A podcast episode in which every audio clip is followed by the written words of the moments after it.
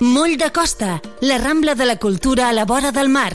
Vine i passeja per l'eix de la cultura, del lleure i de l'esport al Port de Tarragona. Hi trobaràs museus, exposicions, teatre, activitats, espais per passejar i fer esport.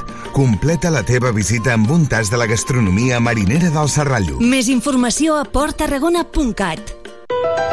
Europe Direct Tarragona, la teva oficina europea a Tarragona. Tallers, xerrades, simulacions del Parlament Europeu. Incentivem la participació, la reflexió i el debat sobre el futur d'Europa. Tots els serveis i activitats gratuïtes que oferim a europedirect.tarragona.cat i a les nostres xarxes socials. Port Tarragona ha fet seus els objectius per al desenvolupament sostenible de Nacions Unides. El Pla de Sostenibilitat del Port desplega els 17 ODS amb més de 80 accions per protegir el nostre entorn natural, amb l'objectiu de reduir en un 99% les emissions de CO2 de l'autoritat portuària al 2030. Port Tarragona. Port sostenible. Més informació a porttarragona.cat. Ei, hola! Com va? Hola! Que no em sents? Ai, hola! No pots parar ni per saludar o què? Com vols que pari? Són els pastissos de Caljan Pastisseria. Caljan? Caljan, encara no els has provat? Mm.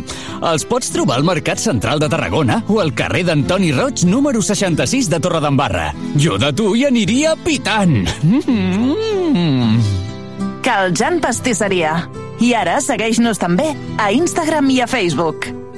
Port Tarragona. Motor econòmic de Catalunya. Node logístic estratègic de la Mediterrània. Porta oberta per ferrocarril a Europa i a la península Ibèrica. I espai d'oportunitats industrials i logístiques. Més informació a porttarragona.cat.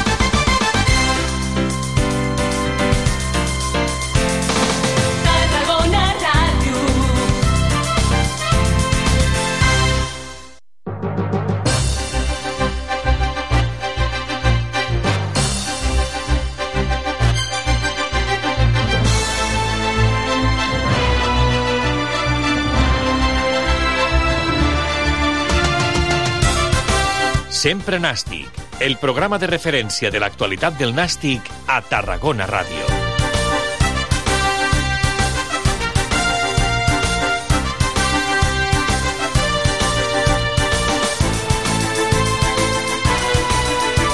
Hola, què tal? Bona tarda, com esteu? Benvinguts a una nova edició del Sempre Nàstic en aquesta trentena temporada del programa L'Antena de Tarragona Ràdio. Avui fem l'edició número 7223 del programa corresponent a aquest dilluns 27 de març del 2023. Es va acabant la Lliga i ja només queden 9 jornades, el que li quedarà el mes d'abril i el mes de maig per conèixer el desenllaç final d'aquesta temporada. Un dilluns en què hem de parlar del primer empat de Dani Vidal a la banqueta del Nàstic. I no és un empat qualsevol, va ser ahir a Castàlia davant del Castelló, on els granes van empatar sense gol. Són quatre partits del tècnic de la casa a la banqueta i ha sumat dues victòries, una derrota i un empat. L'empat, com dèiem, el d'aquest diumenge a Castàlia, un camp complicat i on els granes van sumar el punt 38. A falta ara de 9 jornades per tancar la Lliga, el Nàstic és a 10 punts del play-off. Segurament ho veiem ja tots massa, massa lluny. Ahir fins i tot Manu García deia que si l'any passat ja va ser complicat arribar al play-off,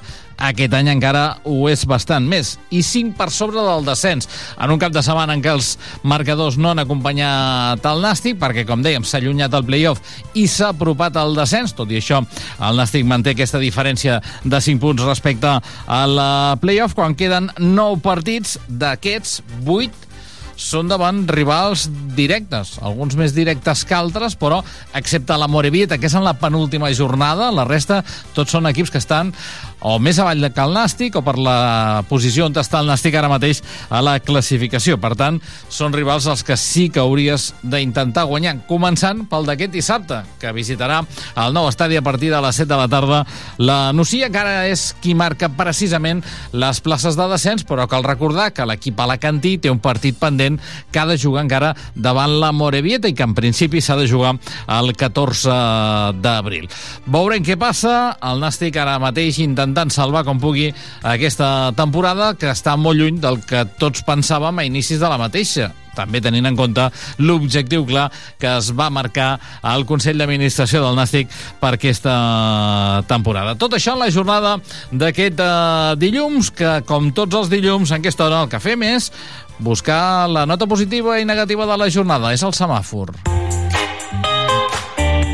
Sempre nàstic. El semàfor. I comencem pel verd, eh? perquè l'equip ha fet eh, aquest diumenge un partit eh, seriós en defensa i va aconseguir que el rival no marqués. Els granes no van tenir ocasions massa clares, però es van sobreposar a un dels millors locals de la categoria i en un escenari que estava gairebé ple. Ahir 9.000 persones a Castàlia per veure el partit. El Castelló va insistir, va obligar Manu García a fer grans intervencions i va tornar a ser aquell Manu García de la temporada passada i que aquest any hem vist en molt poquetes ocasions. El de Pedrera deia que havien competit molt bé i creu que puntuar el camp del millor local de la categoria és una bona notícia i que ara aquest punt cal fer-lo bon sumant els tres del proper dissabte davant la Nucía. Bueno, bien, el equipo la verdad que hemos competido bien. Sí que es verdad que a nivel de juego en algunos momentos del partido nos falta un poco de continuidad. Eh, como tú dices, hay que mirar contexto de partido. Hemos venido, creo que, al mejor local de, de la categoría y, y, hemos competido bastante bien. Eh, es cierto que ellos, pues normal, cualquier equipo en su campo aprieta de lo lindo. Aquí eh, con el estadio lleno, pues ellos tenían que, que apretar, que darlo todo. Y sí que es cierto que, que, en los últimos minutos hemos tenido un par de acciones ahí que, que creo que, que podíamos haberle dado un, algún susto porque hemos llegado con el 0-0 y podíamos haber pero bueno, eh, siendo realista, creo que el empate pues es un punto positivo que tenemos que hacer bueno el, el próximo partido en casa. I el semàfor vermell per, bé, aquest poc joc que té l'equip en zona atacana i altra cada vegada l'equip molt tancadet al darrere, molt seriós defensivament, però molt poqueta cosa en zona d'atac. A més a més, les poquetes que vam tenir no vam acabar d'encertar entre els tres pals i al final, com dèiem, doncs el Nàstic no va acabar marcant.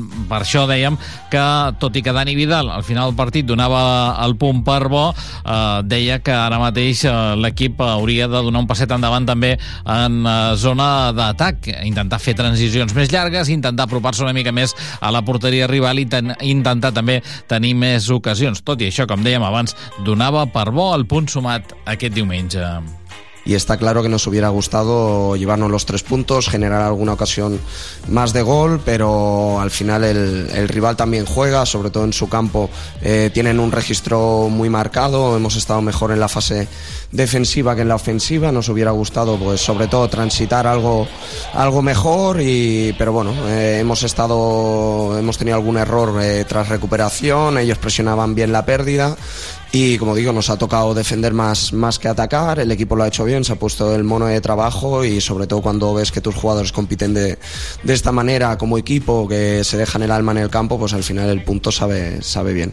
Bueno, doncs aquestes són les notes del cap de setmana amb referència al gimnàstic de Tarragona, el semàfor verd i el semàfor vermell en aquesta edició del Sempre Nàstic que realitza tècnicament el Lluís Comas en nom de la redacció d'Esports de Tarragona Ràdio us parla Jordi Blanc. Dues de migdia i vuit minuts, fem una pausa per la publicitat, de seguida tornem.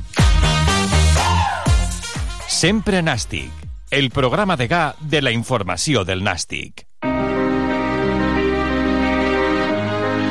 Ja saps què són els fons Next Generation? Són paquets econòmics europeus per a la recuperació de la crisi de la Covid-19 dels estats membres i serveixen per finançar projectes de transició ecològica i digital, creixement sostenible, resiliència econòmica, cohesió social i territorial, en vols saber més? Informa't a europedirect.tarragona.cat i a les nostres xarxes socials. Europe Direct Tarragona, perquè som Europa.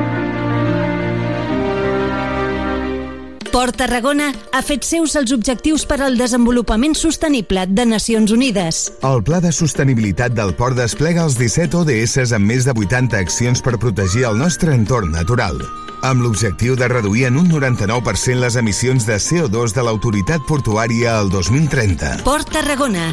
Port sostenible. Més informació a porttarragona.cat.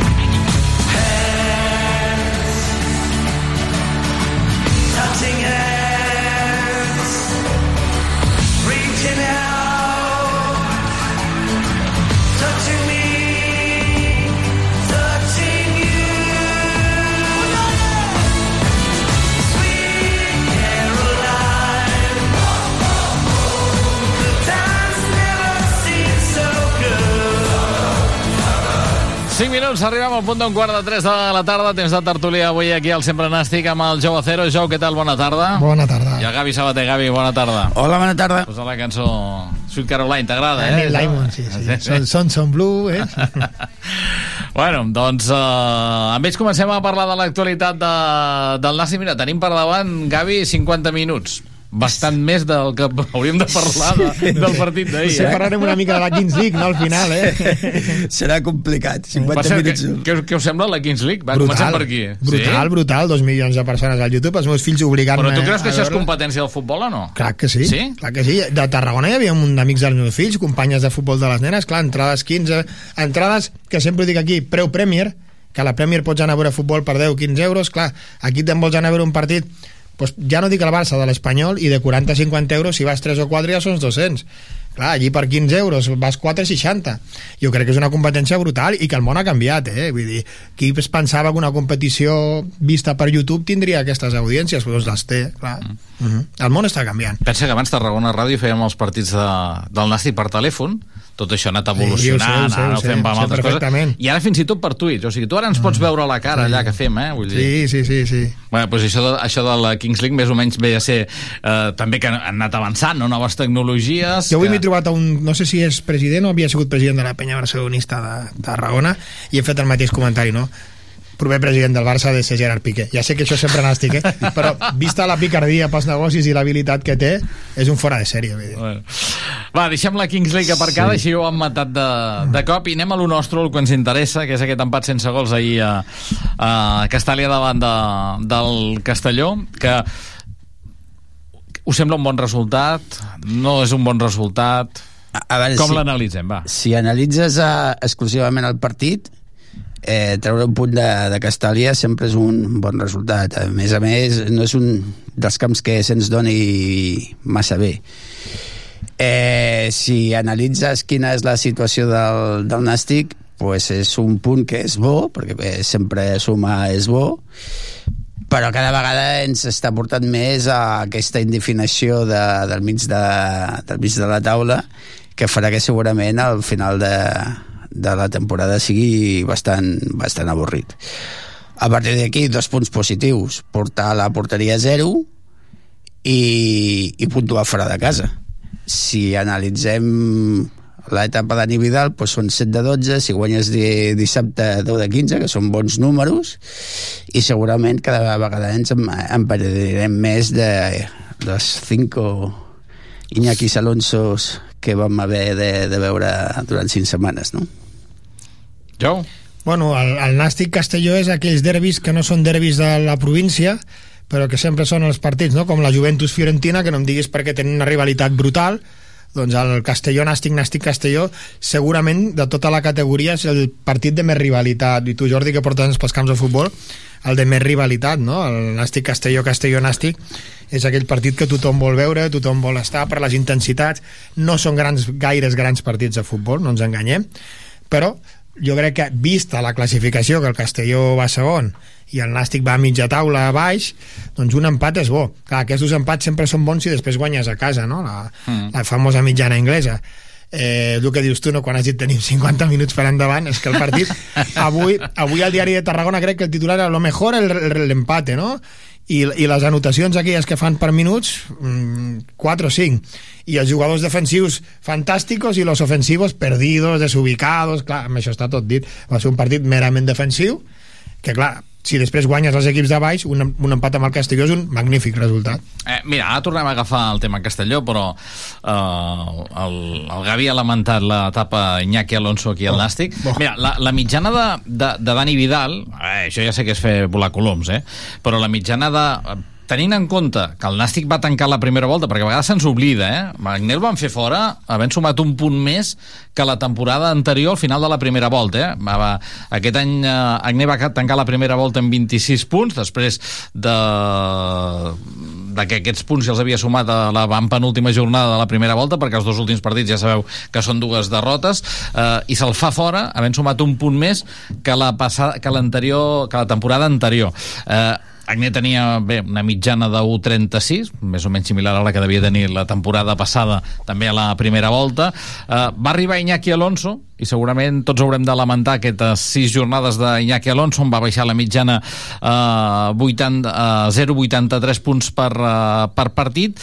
Uh, I ara Dani Vidal, sumat amb aquests quatre partits que ha dirigit el Nàstic dues victòries, un empat i una derrota, 1,75 per partit, no?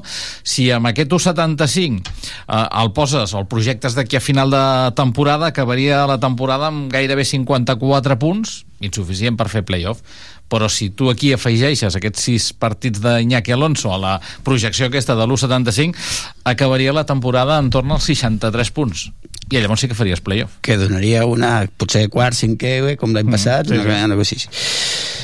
Sí, eh, a veure, si s'han d'analitzar dues coses. Una, els números que estan molt ben analitzats, sí que és veritat que són quatre partits, jo crec que hauríem d'esperar dos o tres jornades més, però una altra cosa és l'actitud i el que tu veus eh, al camp, no?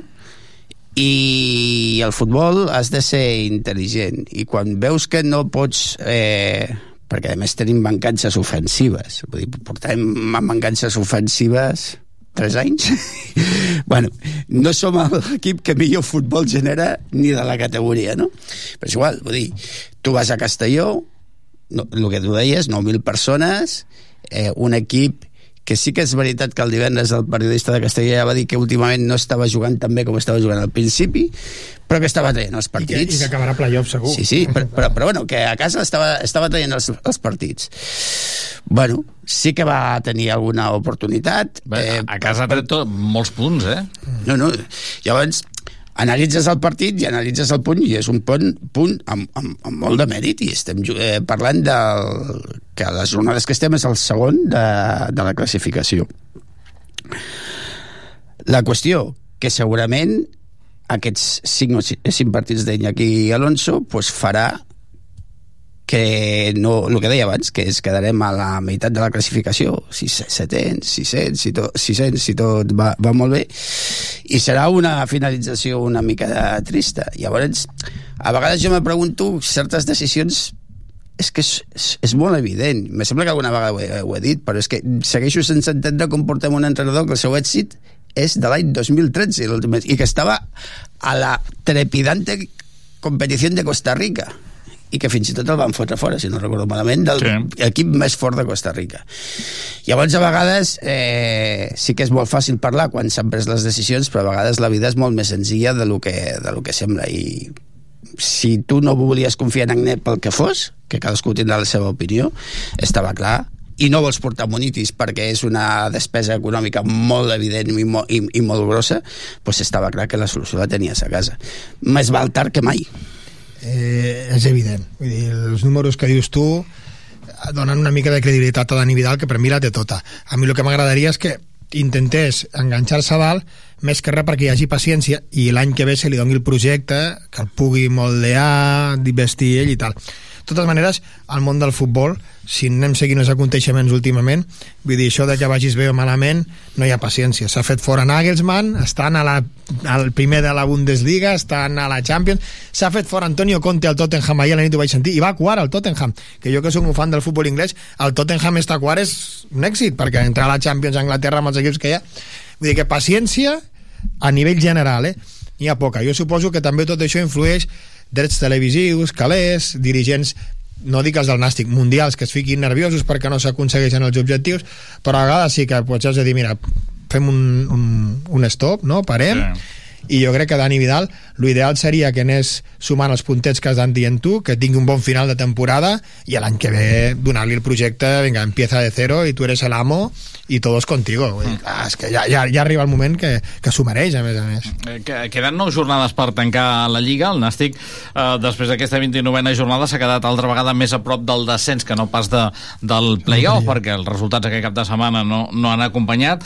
A 10 ara del playoff que el marca bé, un triple empat a 48 punts entre el Real Societat B, Barça Atlètic i Morevieta, i 5 per sobre del descens, que el marca la Nucia amb 33 punts, però fora hi hauria l'Atlètic Balears amb 33, us dic això perquè la Nucia té un partit menys, que ha de jugar contra la Morevieta, que l'ha de jugar el 14 d'abril, i precisament la Nucia és el rival del proper cap de setmana de, del Nàstic. Hem de patir? Pues espero que no, però jo suposo que ho sabrem en les pròximes dos o tres jornades. Evidentment, eh, només juguem contra la Moravieta, dels de, les de dalt.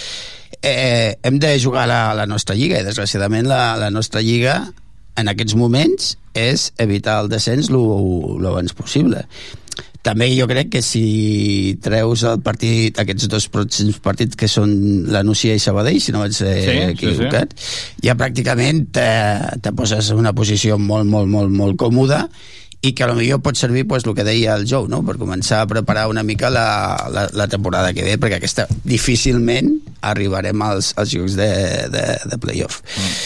Mm. Jo tal com està treballant l'equip, tal com està evolucionant l'equip, entenent que els miracles a la vida i al futbol encara menys no existeixen, jo crec que podrem tenir un final de temporada força tranquil. En dos o tres jornades ho sabrem. Bueno, eh, eh, els partits que ens queden mm, jo, a mi me fan més por els equips com la Nucía que els de dalt mm. Mira, de deixa'm que digui el calendari perquè sé per on vas eh? eh? el Nàstic a casa li queda jugar contra la Nucía després rebrà el Real Unión d'Irun dic a casa, eh? No, o sigui, vol dir el Nàstic juga a casa fora d'aquí a final de temporada ja de, de forma seguida sense, sense fer dues jornades seguides de casa ni fora, eh?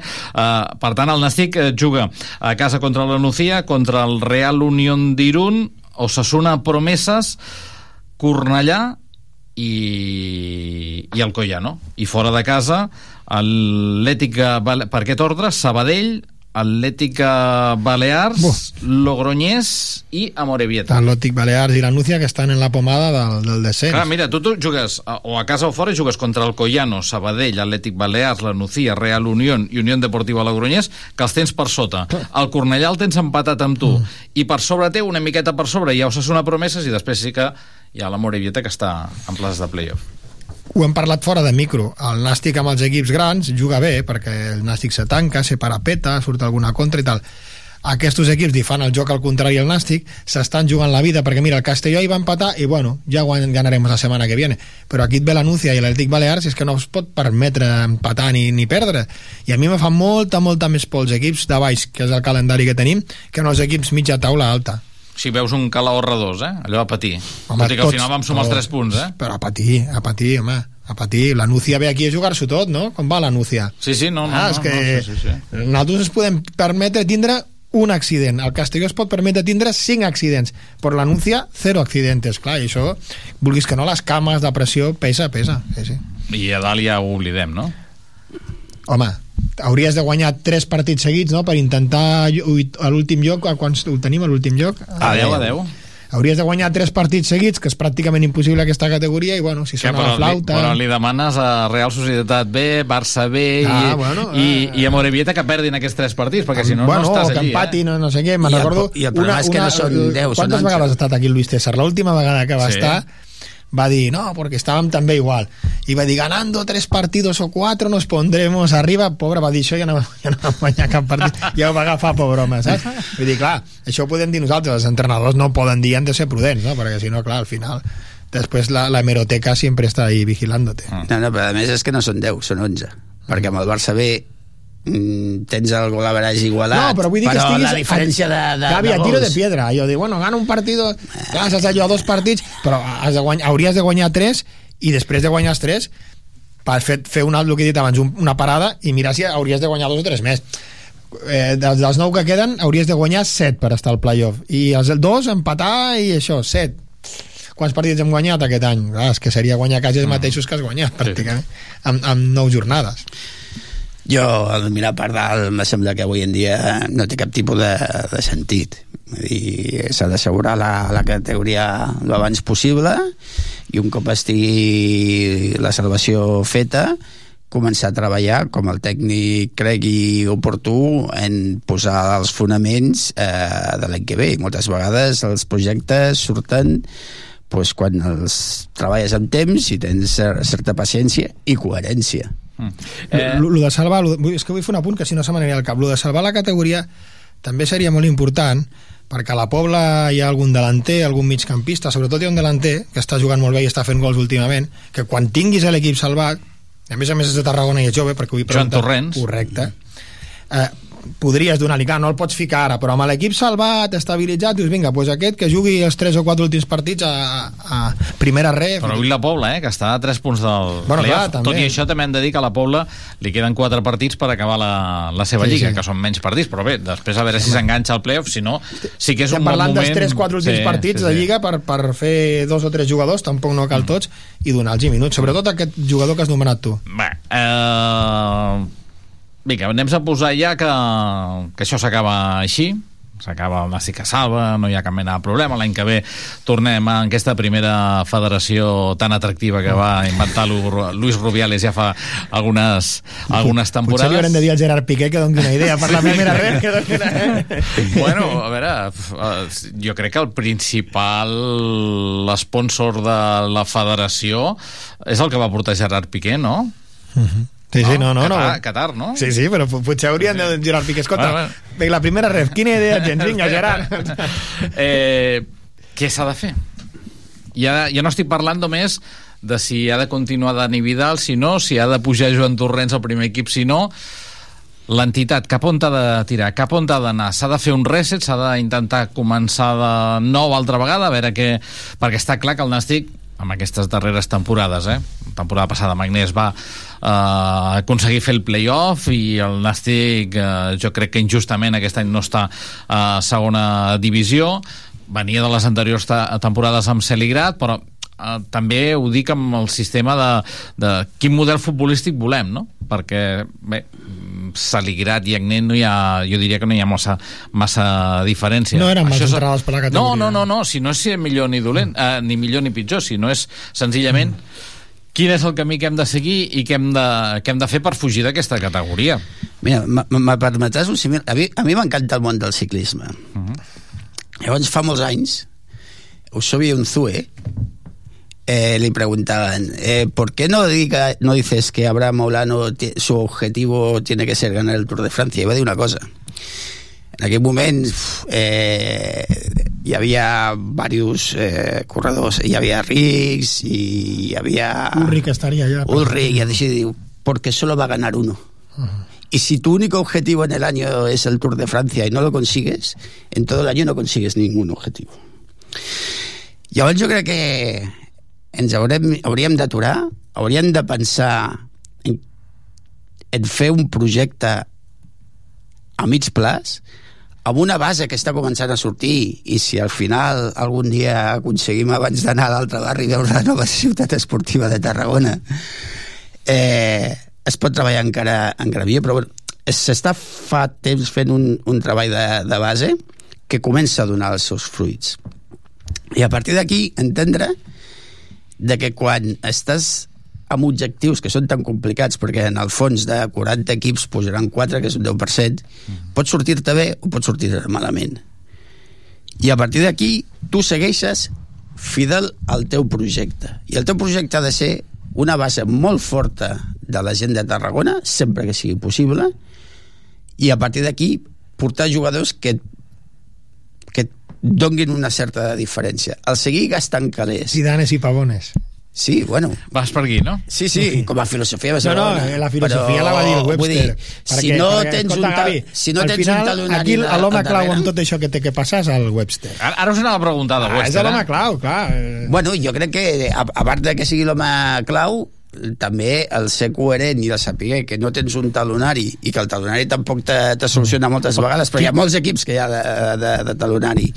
Però sí que has de vendre un projecte, has de vendre una ciutat i has de, de, de vendre una il·lusió, això sí, però amb una certa coherència. I saber que l'objectiu que te'l pots marcar és molt complicat, però si vas creixent i ets coherent en el teu projecte durant un cert temps, sigui amb Dani Vidal, esperem que sí, o sigui amb un altre entrenador, el que creguis convenient, però donar certa continuïtat al, al projecte, i un projecte que ha de passar per gent de la casa i tres o quatre jugadors diferencials de fora. Quin, pa quin paper creus que... Abans que res, eh, jo també sóc molt fan del ciclisme, però també sóc molt fan de la Fórmula 1. Si a Dani Vidal li dones un Minardi o li dones un... Un Aston Martin, l'Aston Martin ara... l'Aston Martin perquè m'ho filles molt de l'Alonso i si tant, si no dic l'Aston Martin m'apararà. Un Aston Martin o un Mercedes o un Red Bull, anava a dir, no? Clar, estem amb de sempre. Webster, eh, anem a lo de sempre, no? Aquest home ha demostrat ser una persona coherent i apostar pel nàstic, no? Jo, des, de fet, des de l'últim dia que vam estar aquí, he parlat amb bastanta gent i ja no he trobat ningú que em parli malament, perquè una persona que de la seva butxaca fiqui 5 milions d'euros en un club, eh, m'entens? Vull dir, ara, clar, mirarem si fica més, para, vol assumir més control o més... Jo crec que aquest home, per lo que he anat veient, ja li està bé una figura institucional com Josep Maria Andreu de president, que també té un bon grapat d'accions, no és un minorista, i ell no està al davant, no? Però potser també Josep Maria Andreu arriba un dia que diu, escolta, ja vull marxar, no? També tinc família, tinc tot això, i el Webster dona un pas endavant o el tot que porta amb ell o alguna persona de la seva confiança. Aviam, jo ho vaig dir l'altre dia és un empresari nòrdic i una persona seriosa. Més val això que no un fons d'inversió que no saps que ve a ficar en negoci i tal. Jo crec que la, la clau és quan acabi la temporada veure aquest, aquest senyor si dona un pas endavant, que per cert l'heu de portar aquí, no? Encara no ha vingut. No, no ha vingut, no. Vale, vale, no, és que el Gavi i jo voldríem vindre aquell dia. és broma, és broma. és broma. No, ja m'estàs entenent. Vull dir, sí, clar, sí. Eh, jo crec que la peça clau de tot això, evidentment que Dani Vidal ha de continuar, és el Webster, sí, sí. que per lo que va dir a l'entrevista que jo vaig llegir el diari Zidanes i Pavones, que li feia la broma ell, clar, la, la política ideal no? dir, pues, puges al Torrents a 4 o 5 nanos d'aquí de Tarragona i portes a 4 o 5 de fora però 4 o 5 Pinilles, Abel Boades i Amanàs, no? no jugadors que han vingut aquí que no saps ni on estan ara. Mm. Eh, quin paper creus que, que tindrà Freddy Webster? O quin paper creus que ha de tenir? Home, eh, tenint en compte quina és la, la situació del club, un paper importantíssim. Vull dir, eh, eh, i això ho va dir el Jou l'última vegada que van coincidir, aquí sempre que s'ha demanat rascar-se la butxaca no s'ha rascat ni Déu. Se va rascar una mica l'Ajuntament en, en, en el seu moment. I els quatre consellers, Andreu quatre i companyia. Sí. I, I, evidentment, el president Andreu tindrà el meu respecte sempre i el dia que vulgui dir descanso s'ho haurà guanyat amb, amb escreix un homenatge enorme. No té res a veure la crítica que he fet abans amb, amb, amb el que dic. Però, evidentment, en el món actual de futbol, sí que és veritat, eh, o tens un suport financer suficient, o, o no tiraràs endavant perquè les quantitats de calés que es belluguen ja no només a la primera ref amb projectes com el Denses que Castellón, en Alcorcón Intercity cotitza en borsa no sé què. vull dir, és, és brutal imagina't segona i, primer, i primera divisió i no tindràs mai aquesta aquest potencial econòmic que tenen uns altres equips de, de la resta d'Espanya. Llavors espero, per les declaracions que, vam, que va fer, que a mi també em van semblar força coherents, que tingui una llarga vida com a, com a accionista del, del club i, i importància dintre de les decisions que s'hagi de prendre dintre del rol que el vulgui tenir. Està clar que si apostes i apostes bé, a segona el Nàstic pot viure sense ser deficitari a l'altre ja escoltava que jo que sóc un fan del futbol femení el Barça femení no és deficitari pel Barça vull dir que si apostes i apostes bé vull dir, aquest home potser com ha ficat uns calarets aquí li interessarà que l'equip pugi a segona i ja pugui estabilitzar perquè a segona amb els drets televisius mm. i tot això ja més o menys ja, ja no vas palmant perquè també una altra cosa de l'amigo Rubi potser hauríem de i a l'amic Soteres també, perquè hi ha molts equips catalans, la primera ref no pot continuar sent un pou en què els clubs perden diners, perquè al final, clar, que al final no, no, no voldrà jugar ningú a la primera ref, perquè és un deficitària totalment. Bueno, ja, ja veieu el Nàstic, no? L'any passat a eh, pèrdues d'aproximadament un milió i mig d'euros, perquè és any previsió sense, de pèrdues altra vegada d'un milió i, i sin tirar la casa por la ventana, que sí, dius, no, sí, és que no, hemos fichado a Calle, a, a Antonio López, no? Antonio sí. Million Dollar Baby, sí, clar, sí. Jandro que cobrava 400, no? Clar, no hem fitxat aquests jugadors. Ah, eh, L'aposta la, la, creieu que ha de ser aquesta de, eh, que tu abans deies, eh, Cidanes i Pavones i tal, ah, buscar això la gent de, de la casa amb continuïtat de, de, de Dani Vidal o buscar un altre tècnic o... No, no, home, jo m'encantaria que seguís el, el, el Dani Vidal. El, el, el joc que moltes vegades ens trobem sap que fa molt de temps que li deia i alguna tertúlia que hem sortit fora dic és que jo no entenc per què no, no apostem per Dani, per, per, per, per Dani Vidal. si, si tu en vegada l'Alonso tiras la casa por la ventana y traes a Mendilibar eh, que no és, ja m'entens, però va per portar aquí Alonso, a ficar el de la casa. És que jo ja no haguessi fet fora l'Agné, però bueno, ja sé que per això he rebut algun pal, no?, amb els amics i tal, però jo no haguessi fet fora l'Agné. Que acabi la temporada, escolta. És que això dels, dels experiments, i jo no, segur que ha passat alguna que no sabem, eh? Però és com el Val- Valverde quan el van fer fora del Barça, que havia guanyat dos lligues i anava primer, i porten el Setien. Fica, el, si has de fer un canvi, Ei, fica a, el... a, més a més, amb aquest club els experiments tampoc no és que mai hagin anat bé, eh? perquè si tirem enrere a principis de segle, el primer experiment eh, va ser quan van fer fora ja Granero, que era un tècnic que més o menys Balaguer, Balaguer. va venir Pepe Balaguer, no? Vull dir, uf. Balaguer. Després, el següent és fer fora Luis César per venir Paco Flores. És que, clar, mireu, mireu el Oh, nivell d'entrenador que us dic substitut, eh? Vull dir, Granero, que era un home en alça, aleshores, no? Pa, sí que els resultats no sortien, eh? Però, por- Moreno- portes a Pepe Balaguer, que està de tornada. Eh, quan fas fora Luis César, un entrenador que ens havia pujat a primera i que estava, diguem-ne, amb la, la cresta cap dalt no? de, la, de la seva vida esportiva, portes a Paco Flores, un altre que estava I, i Vicente més de Moreno. tornada. Eh, bueno, no, clar, clar. I, i després... Vicente Moreno, que és l'entrenador, que l'any que ve tindrà 40.000 ofertes perquè està allí, però té ja ofertes de 40.000 equips Bueno, de primera divisió. allí eh? portes Juan Merino... pff, No, bueno, sí, ja sé que no ens va agradar i tal, però després després de...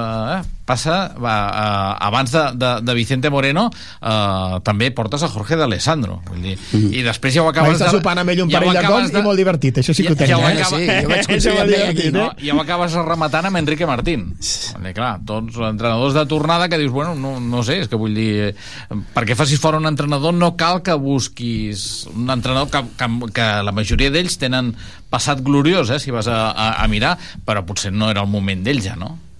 A mi, el que m'ha sabut greu, i torno a dir, escolta'm, no, jo com estic fora, no, jo també sóc directiu d'un equip petit i a vegades fas fora alguna i, i s'han de saber les coses.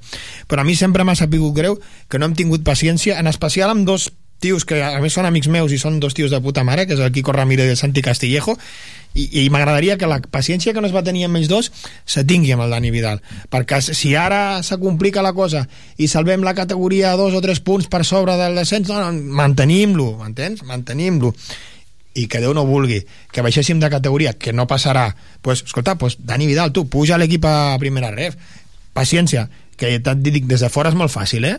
Des de fora és molt fàcil. Sí, sí, lo pitjor és que van portar a Paco Flores, somos chungos. a Paco Flores cuando Luis Enrique y Guardiola venían gratis per fer-se currículum, o sigui, que a vegades... Bueno, i que vam, i que vam renovar Luis César pagant el preu que podíem haver tingut Mendilíbar i altres entrenadors que jo ho sé de molt bona Sí, font sí. perquè era molt amic de la persona que decidia això ja. No, no, Vull dir, que Luis César també va demanar el oro y el moro para seguir en primera eh? vull dir, bueno, pues vale, pues venga vente Mendilíbar Que- si hubiera venido Mendilíbar al Nàstic igual sería Maleibar ara, és que clar, és el pique No, no, O, no, o no. O sí? O no. No, és no, que jo soc molt fan de Mendilíbar eh? no dic jo, jo que no, i el que dèiem abans, vull dir, el criticar les decisions del moment és... no, no, ja tot És- passado, clar tothom Hi, és hi ha projecte del Nàstic ha d'anar, no sé si dir a mig termini, com tu deies, com tu deies abans, ho deia, perquè no sé si aquesta uh, urgència està fent que... Però és que és- Bueno, no sé, aquest clar. any, l'any passat, l'urgència al final et va portar allà ostres, i, i surts d'allà eh, emprenyat amb l'àrbitre perquè tu creus que segurament sí. eh, si hagués donat el gol de Quintanilla eh, amb 1 a 0, 0 a 1 l'any passat el Nàstic era el seu resultat fetitxe per tant hagués, eh, hagués acabat pujant a, a segona divisió i aquest any, bueno, doncs aquesta urgència també ens ha portat en aquesta situació, no? Sí, però mira, és que el món del, de, del futbol, sí que és veritat, eh, si dona el gol de Quintanilla, tampoc sabem què hagués passat, però és que ens vam classificar perquè un xut que anava a la de- decimosèptima graderia toquen un jugador de l'Albacete i entra. Llavors, jo el que em refereixo és que hi ha petites variables que et porten de l'absoluta misèria a l'absoluta glòria que tu no pots controlar. Home, el primer penalti que va fallar Mana a la seva vida ens haguessin Clar. portat a primera divisió. També, també. A veure, jo sempre dic el mateix. Manar ens va portar on ens va portar, però no pugem per culpa de Manar, del penalti, perquè la que fallava a, a davant d'Osasuna sobre el porter és tremendo i, i arribem allà gràcies a Manar. Per això t'he dit que en el món del futbol, i sobretot quan és tan complicat pujar d'una categoria com la primera ref, ara perquè hi ha menys equips, però a l'haver menys equips el potencial dels equips és molt més gran que quan teníem la, la, la segona B jugar-t'ho tot a una carta que et pot sortir malament pues per això, perquè el porter l'aturi o perquè el que te iba a la 17 graderia toqui en un defensa és un, et porta a que quan no aconsegueixes això, què?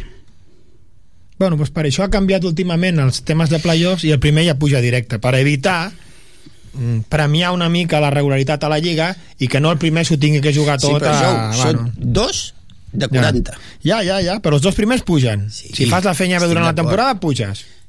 Els playoffs és una loteria, clar. Sempre diuen que acostuma a pujar el que ve del darrere que ve més força, no? Mm. Bueno, en el cas d'aquell playoff ara que parlàveu de mana de d'Osasuna és això, no? Osasuna es va posar Ahir- el ahir- playoff a, ahir darrer, pensar a darrera hora A després de fer. No, el dissabte vaig una pensar. molt, bona, una molt bona segona volta ve de la temporada anterior que salva Sabadell de no baixar Correcte. no? de no baixar a segona divisió B eh, i mira, després el playoff va acabar pujant Ai, eh? el dissabte em vaig recordar d'aquest playoff perquè es deien la selecció de, de l'alineació de la selecció d'Espanya deien por fin vuelve Miquel Merino que se lo merecía. Y yo pensaba hostia Miquel Merino que nos hizo un 7 que estava fitxat pel Borussia o Sí, algo sí, estava sí, ja sí, cedit sí, allí sí, sí, sí. que gol de córner no sé què és el jugador que ens va ventilar l'eliminatòria el Miquel Merino Bueno, veurem, veurem què, què passa amb el Nàstic ara al futur, cara a la propera temporada, i veurem eh, quin és el paper aquest que va assumint Freddy Western setmana rere setmana, o depèn de, de, la, de la situació de, de, de l'equip. Eh, segurament que, bé, no sé si de la plantilla actual manteniu molts jugadors cara l'any que ve o no. que ho decideixi Dani Vidal tu. Ah, per això cobra Tens... Sí, bueno, jo crec que hi ha jugadors força Interessants, interessants, sí, i jugadors que han fracassat estrepi- estrepitosament. Està, és, està clar, vull dir, hi ha jugadors que venien amb un cartell que a vegades també et preguntes per què, no? Perquè ja venien de- d'equips eh, que no jugaven gaire, una mica Iñaki Alonso, no? Bueno, al, al final, en un món tan competitiu com el del futbol, cadascú es guanya el seu I lloc a, a la vida, no? Però, bueno, tampoc crec que tinguem un equip tan desastrós com per llançar-ho tot a, la- a la foguera. Vull dir, jo crec que la meitat de la plantilla és salvable eh, sense cap tipus de problema i hi haurà jugadors que... que tornem a dir, eh? jutjar quan ha passat és molt fàcil, però tu mires la plantilla i hi ha tres o quatre jugadors que venien amb vitola de crack i no estan jugant i tal, y igual penses, ostres, pues igual con el un once inicial muy potente y estos tres o cuatro sean aquests que hem numerat de la Pobla, que a més a més quan sortiran et ficaran ganes al no sé què, dius, ostres, mm... per cert, a l'Àlvaro Rey del Castelló era el que havia estat al Nàstic? No, no, no. Ah, vale, vale, vale. És que vaig sortir la transmissió i dic, tinc que preguntar. Dic, perquè No, no, no, no. No, digo, perquè deu tindre... bueno, tampoc és tan gran l'Álvaro Rey. Mm, 34, 33. Jo crec que, que estava al Jerez, si Al no ha Jerez, canviat no? d'equip, Sí, sí, eh? sí, si no canviat Jerez. d'equip, està al Jerez. Sí, sí, sí. sí, sí. Ho dic perquè aquest també va Bueno, ser un de el la Pobla fut- que va pujar al primer equip. Que, Però el que nostre tam- futur no passa per Álvaro Rey. No, home, no, no, no, no, no, no, no, no, no, us explico la idea, no? També la Pobla pot fitxar algun jugador jovenet de Cornellàs i no sé què. I, Ja ho fa, ja Correcte. ho fa, ja ho fa. I, I fer el salt, no, no tots han de ser ADN Tarragona No, home, 100%. no, No, no, ni molt menys. Això no. I és més, algun d'aquests jugadors que pugen de planter els haurem de vendre per rebre calés. Sí. Home, si te'ls paguen bé, sí, si, si els has de regalar, no, clar. No, he dit treure calés. Sí, sí, Sí, sí. No tracta de, de regalar ningú, però un equip petit, una de les maneres d'anar creixent és si tens una bona oferta per un bon jugador i l'oferta econòmica és prou interessant tant per jugador com per club, ja, ja. el veig i això la et dona un la caix. Això ho deia fa molts anys la família Agnelli a la Juventus. Diu, todos los jugadores están en venta, ¿eh? Hay que vender a Zidane, se vende, hay que vender a a la, al- Tot està en venta. El Nàstic a la, a la darrera Junta General d'Accionistes ja contemplava una quantitat per venda de jugadors que jo crec que no es complirà perquè no, no veig a ningú ara mateix que, que tingui el Que te'l cartell puguin no? comprar, que clar. te'l puguin comprar potser sí, eh? potser hi ha algun jugador que té alguna oferta però, però bueno, són aquests els jugadors del planter alguns d'ells que aquest any s'han destapat no? per exemple, aquesta setmana passada entrevistava Marc Montalvo, penseu que Marc Montalvo l'any passat jo crec que li ha donat... Bé, ell reconeixia que, que el temps li ha donat la raó, però clar, l'any passat Marc Montalvo, amb 20 anys, 21 anys, eh, eh, amb molta projecció, es va quedar tot un any en blanc, eh, sense jugar, perquè no jugava a la Pobla, eh, estava ja en dinàmica de primer equip, i l'any passat Agnelli va donar dos minuts en tota la temporada, eh? Dos minuts. però, però el va fer créixer i li va donar la confiança que ara aquesta temporada que Magné era titular indiscutible que Miñaki ho va deixar de ser una mica i que ara amb, amb Dani torna a ser titular jo, jo, jo crec que això és una cosa que el Nàstic ha de començar a plantejar-vos-ho que, no, que ens ha costat molt però al final tu tens els exemples de, del Gavi i del Pedri amb 18 anys i, escolta, i, i si apostes per un jugador si un jugador té 18 anys és bo, has d'apostar per ell i que jugui partits, i ja està, més val això que no apostar pues, algú que té 30 anys, escolta, pues, aposta pel de 18 de la casa o fitxa jugadors joves i dona'ls 20 minuts, sí que hi ha urgències vale? però és que la urgència tampoc te la soluciona el de 30 que no fica a la cama, m'entens? jo crec que és creure o no creure i aquest és el xip que hem de, Zidanes i Pavones. T'ha quedat, eh, l'eslògan aquest de... És que em va fer molta gràcia que digués, no? Perquè, sí, sí. Zidanes i Pavones. Perquè a l'altre dia també el Marc feia una entrevista al Pavón, que ara està fent algú de cantera i no sé què, va dir, siempre me nombran cuando hay que hablar de la cantera, diu, soy el referente, diu, no, de Pavón, eh?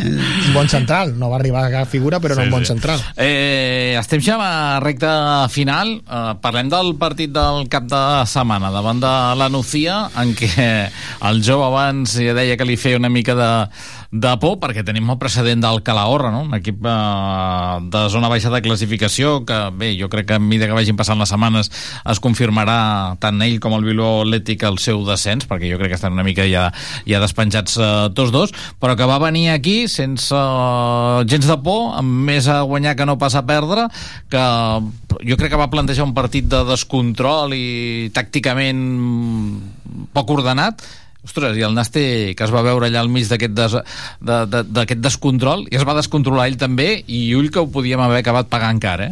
Bueno, però no és que es descontrolés, és que ens van descontrolar guanyant 2-0 que diu, ja pots buscar el descontrol que vulguis vull dir, i a més com, per exemple com, com ahir que, que es veu que, que bueno, intentaré ser generós quan juguen els centrals que han de jugar. Eh, pues hi ha certa seguretat en darrere eh, la veritat és que de, de, desconec com jugarà la Nucía però suposo que serà un equip molt rocós que vindrà a tancar-se i a sortir ràpidament a veure si en una contra ens agafa i, i ens entra el, el nerviosisme.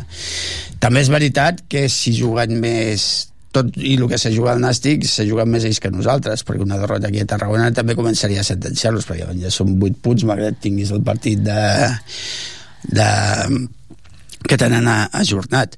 Però bueno, al final és la lliga que ens toca jugar i si no som capaços de, de guanyar aquests partits i a més a, a casa, serà que no ens mereixem la, la permanència a la primera ref que també crec que, que serà molt complicat que, que baixem i que amb la dinàmica que es porta eh, serem capaços de treure aquests, aquests partits. Evidentment no serà un partit fàcil i segurament, i per desgràcia, tampoc serà un partit bonic.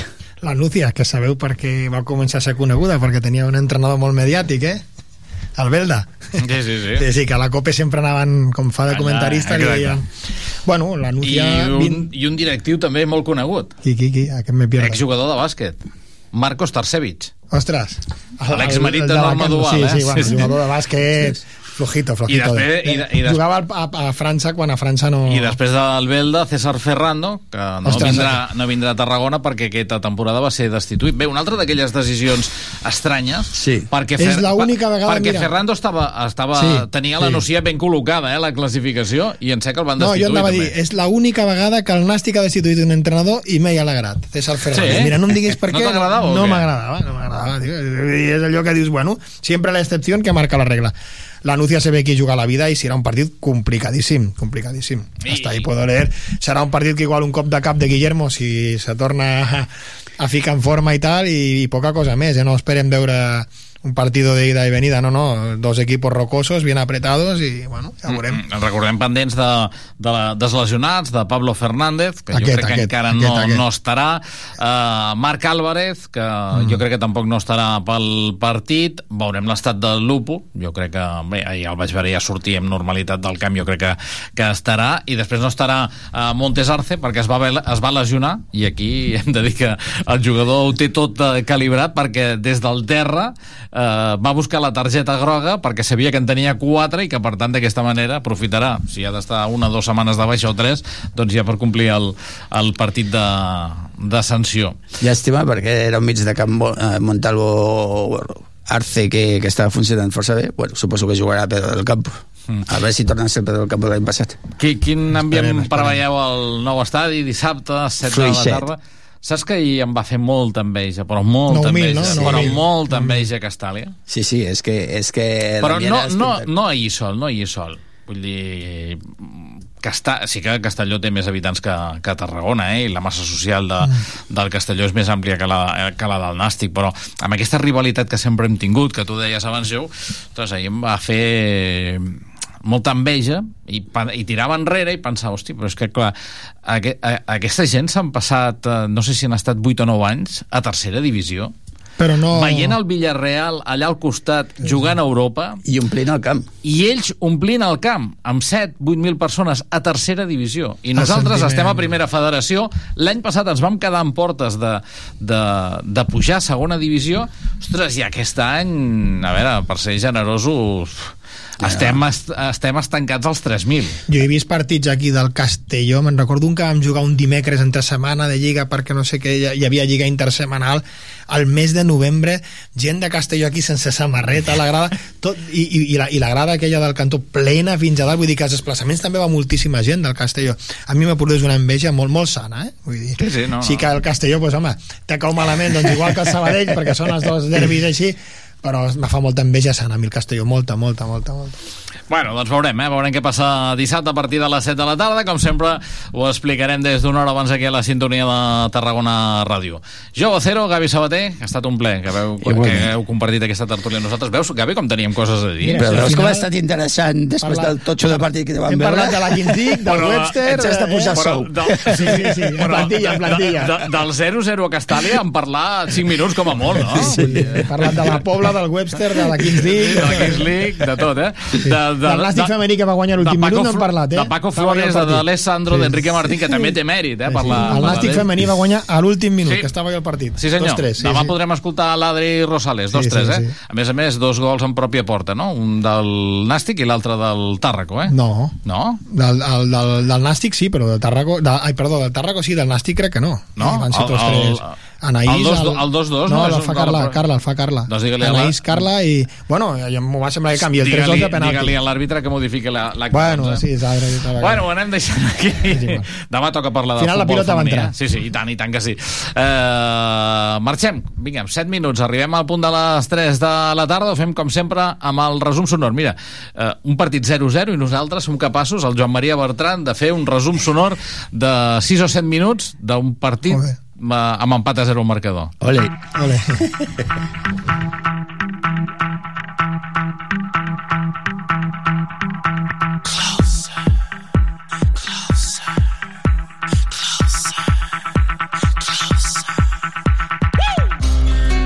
Turn the lights off in this place, and she shines just like a star.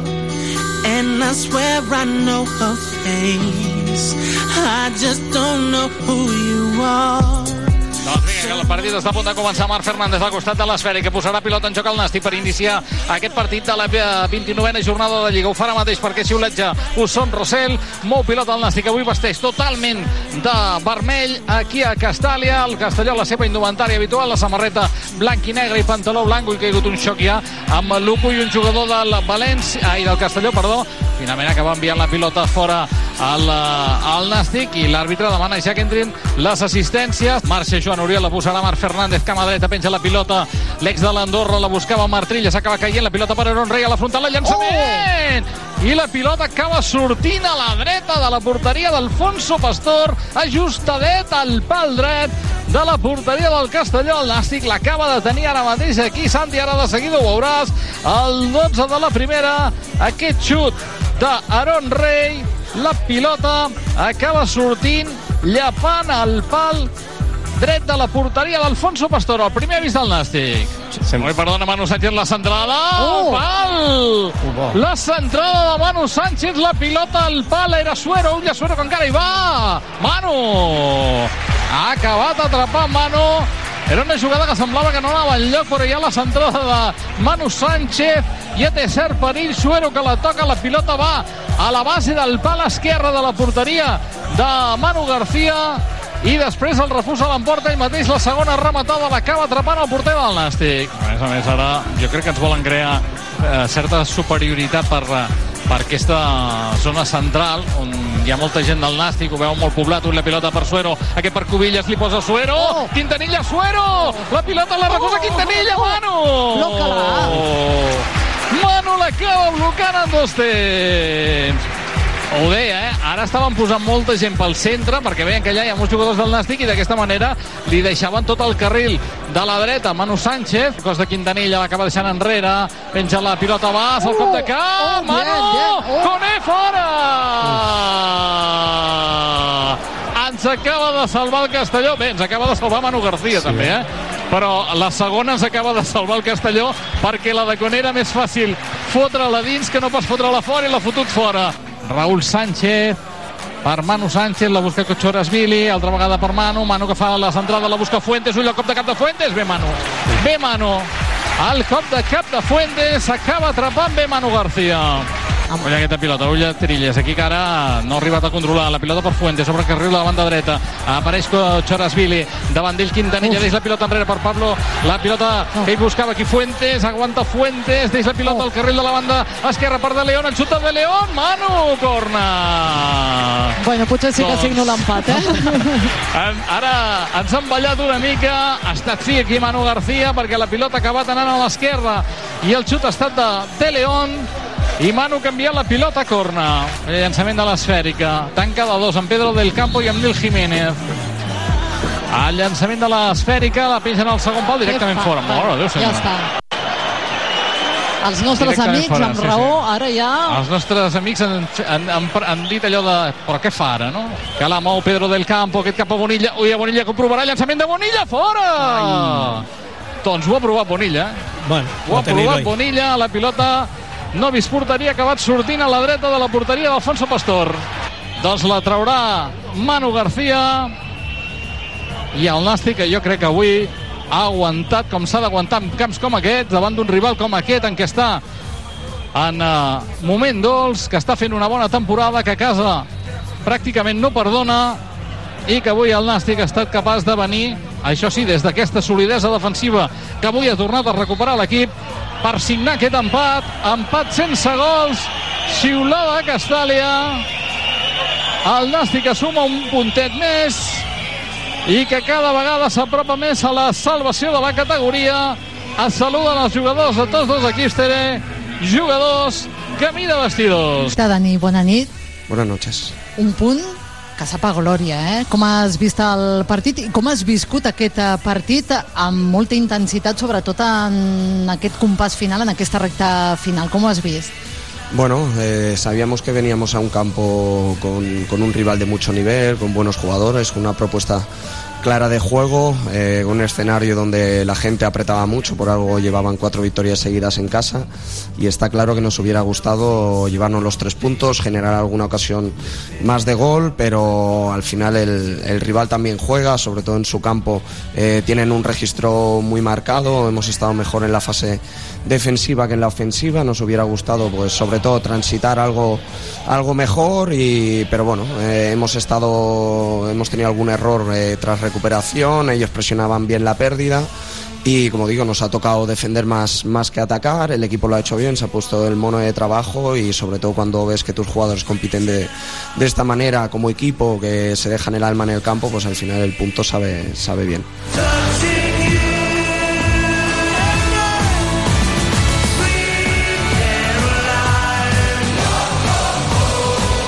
Sempre nàstic el regús de la jornada a Tarragona Ràdio.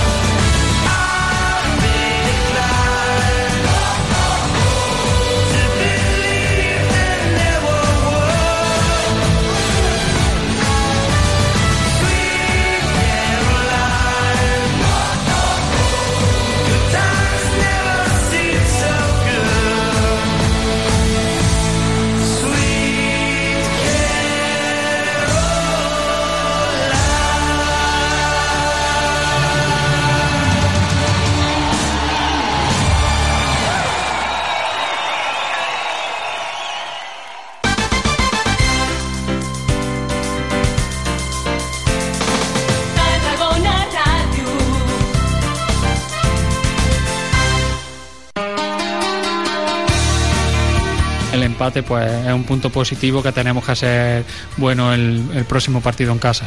Com diu el porter del Nàstic, Manu García, l'empat a Castelló s'ha de fer bo guanyant aquest proper cap de setmana el partit a casa. Dissabte 1 d'abril a les 7 de la tarda viurem la trentena jornada de Lliga al grup segon de la primera federació des del nou estadi Costa Daurada en el partit entre el Nàstic i la Nucía. I com sempre, des de fa 30 temporades, t'ho explicarem tot des d'una hora abans a la sintonia de Tarragona Ràdio el 96.7 i 101.0 d'FM, al web i a les aplicacions mòbils, amb imatges també al canal de Twitch. Escolta, ens participa al Joc de la Porra, comenta el partit al Twitter del Sempre Nàstic, al WhatsApp i al